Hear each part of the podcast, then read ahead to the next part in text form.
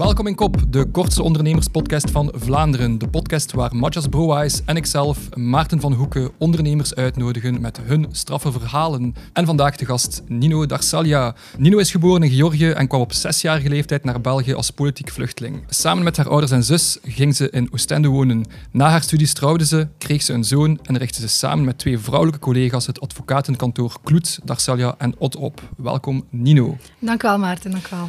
Nino, uh, we kennen elkaar al een tijdje en, en u werkt advocaat. Ik kan me inbeelden dat jij ongetwijfeld heel wat straffe verhalen hebt. En ik ga je vandaag zes minuten de tijd geven om jouw strafste verhaal te delen met ons. Dank u wel. Um, zoals je al hebt gezegd, heb ik inderdaad een advocaatkantoor samen met twee collega's. En wij zijn gespecialiseerd in strafrecht, wat dus maakt dat we effectief met alle lagen van de bevolking in aanraking komen. We horen heel wat straffe verhalen, we maken heel veel dingen mee.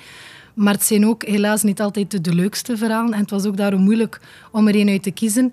Um, maar ik heb voor iets gekozen wat ik nog niet veel heb verteld. En dat toch wel een groot impact heeft gehad op mij. Niet alleen als mens, maar ook als advocaat.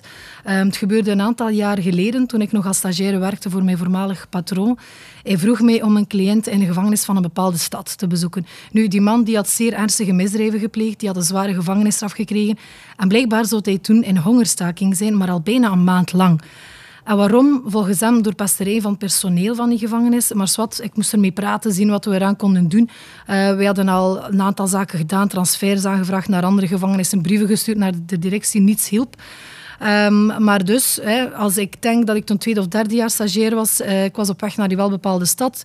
Ik mat me aan in de gevangenis. Ik zag van, kijk, ik wil die persoon spreken. Ik zag de naam. En ze keken mij daar aan de balie aan van, maar oei, maar, maar die praat met niemand. Die heeft al een maand met niemand gesproken. Uh, ook niet met zijn broer, die blijkbaar toen ook in de gevangenis zat. Uh, ik zag, oké, kan zijn, maar toch wil ik hem zien. Ik wil het toch proberen. Uh, dus breng me er naartoe. Ik weet nog, er was in die gevangenis een speciale soort medische afdeling. En als ik het me goed herinner, was dat ergens in de kelder. Dus ik moest ook door ik weet niet hoeveel kille gangen. Ik heb delen van de gevangenis gezien uh, waar ik zelf nog nooit geweest was. En ondertussen de cipier die mij begeleidde, die was ook heel muisstil. Dus het was een heel akelige sfeer. Um, en toen kwamen we daartoe aan een bepaalde cel. Hij deed de deur open en wat ik daar aantrof, dat was eigenlijk regelrecht een scène uit een horrorfilm. Beeld je dus in gangen, ergens beneden in een kelder, een betonnen cel, een grote betonnen cel, een witte ijzeren deur. Um, en pal in het midden van die grote kille betonnen cel een ziekenhuisbed met baksters. Ik had de cliënt daar bijna zelfs niet in zien liggen. Hij was zo klein, hij was uitgemergeld, zijn lippen waren uitgedroogd, een verdwaasde blik. Hij bewoog niet, hij keek niet om. Um, het was de eerste keer dat ik zoiets zag, maar ik liet dan natuurlijk niet merken dat ik geschrokken was. Uh, ik ben naar binnen gegaan, ik stelde mij voor. Ik begon heel rustig te praten, te vragen hoe, hoe hij zich voelde. Hij zei nog altijd geen woord. Dus wat ik toen ook kon gedaan hebben is van kijk, ik ga gewoon vertrekken. Want dat heeft geen avans, dat heeft geen nut. Die gaat toch niet praten, die kan misschien zelfs niet praten. Ik ga gewoon vertrekken.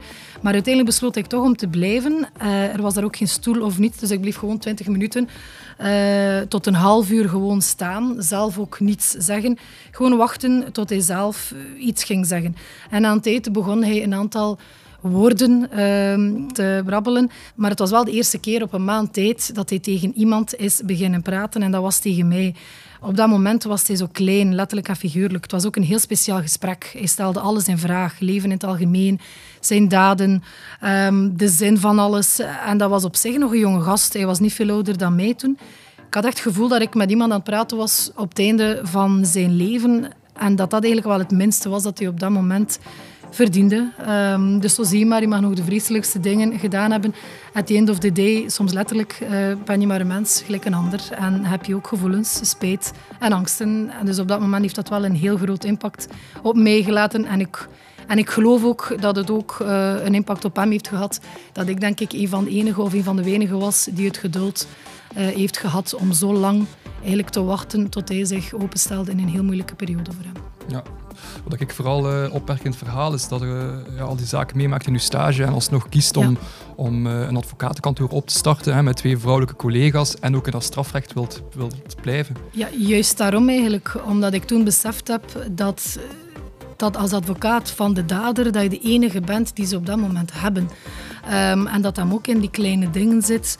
En dat was juist eigenlijk de drive van kijk, ik wil begrijpen waarom dat er iemand zoiets doet. En ik kijk verder dan de daad zelf, maar ik kijk effectief naar de mens. Wat niet wil zeggen dat ik de daad verdedig uiteraard. Maar je bent de enige die ze op dat moment hebben. En die menselijkheid, dat is het die mij ook, uh, die mij ook intrigeert. Ja, alright. Nino, merci om jouw strafverhaal bij ons te delen. Dank u wel, dank u wel. En wat ons betreft, bedankt om te luisteren. Vergeet ons niet te volgen, liken en sharen op je favoriete podcast-app, LinkedIn of Instagram. En volgende week maandag zijn we er sowieso opnieuw met een nieuwe aflevering van de kortste ondernemerspodcast van Vlaanderen.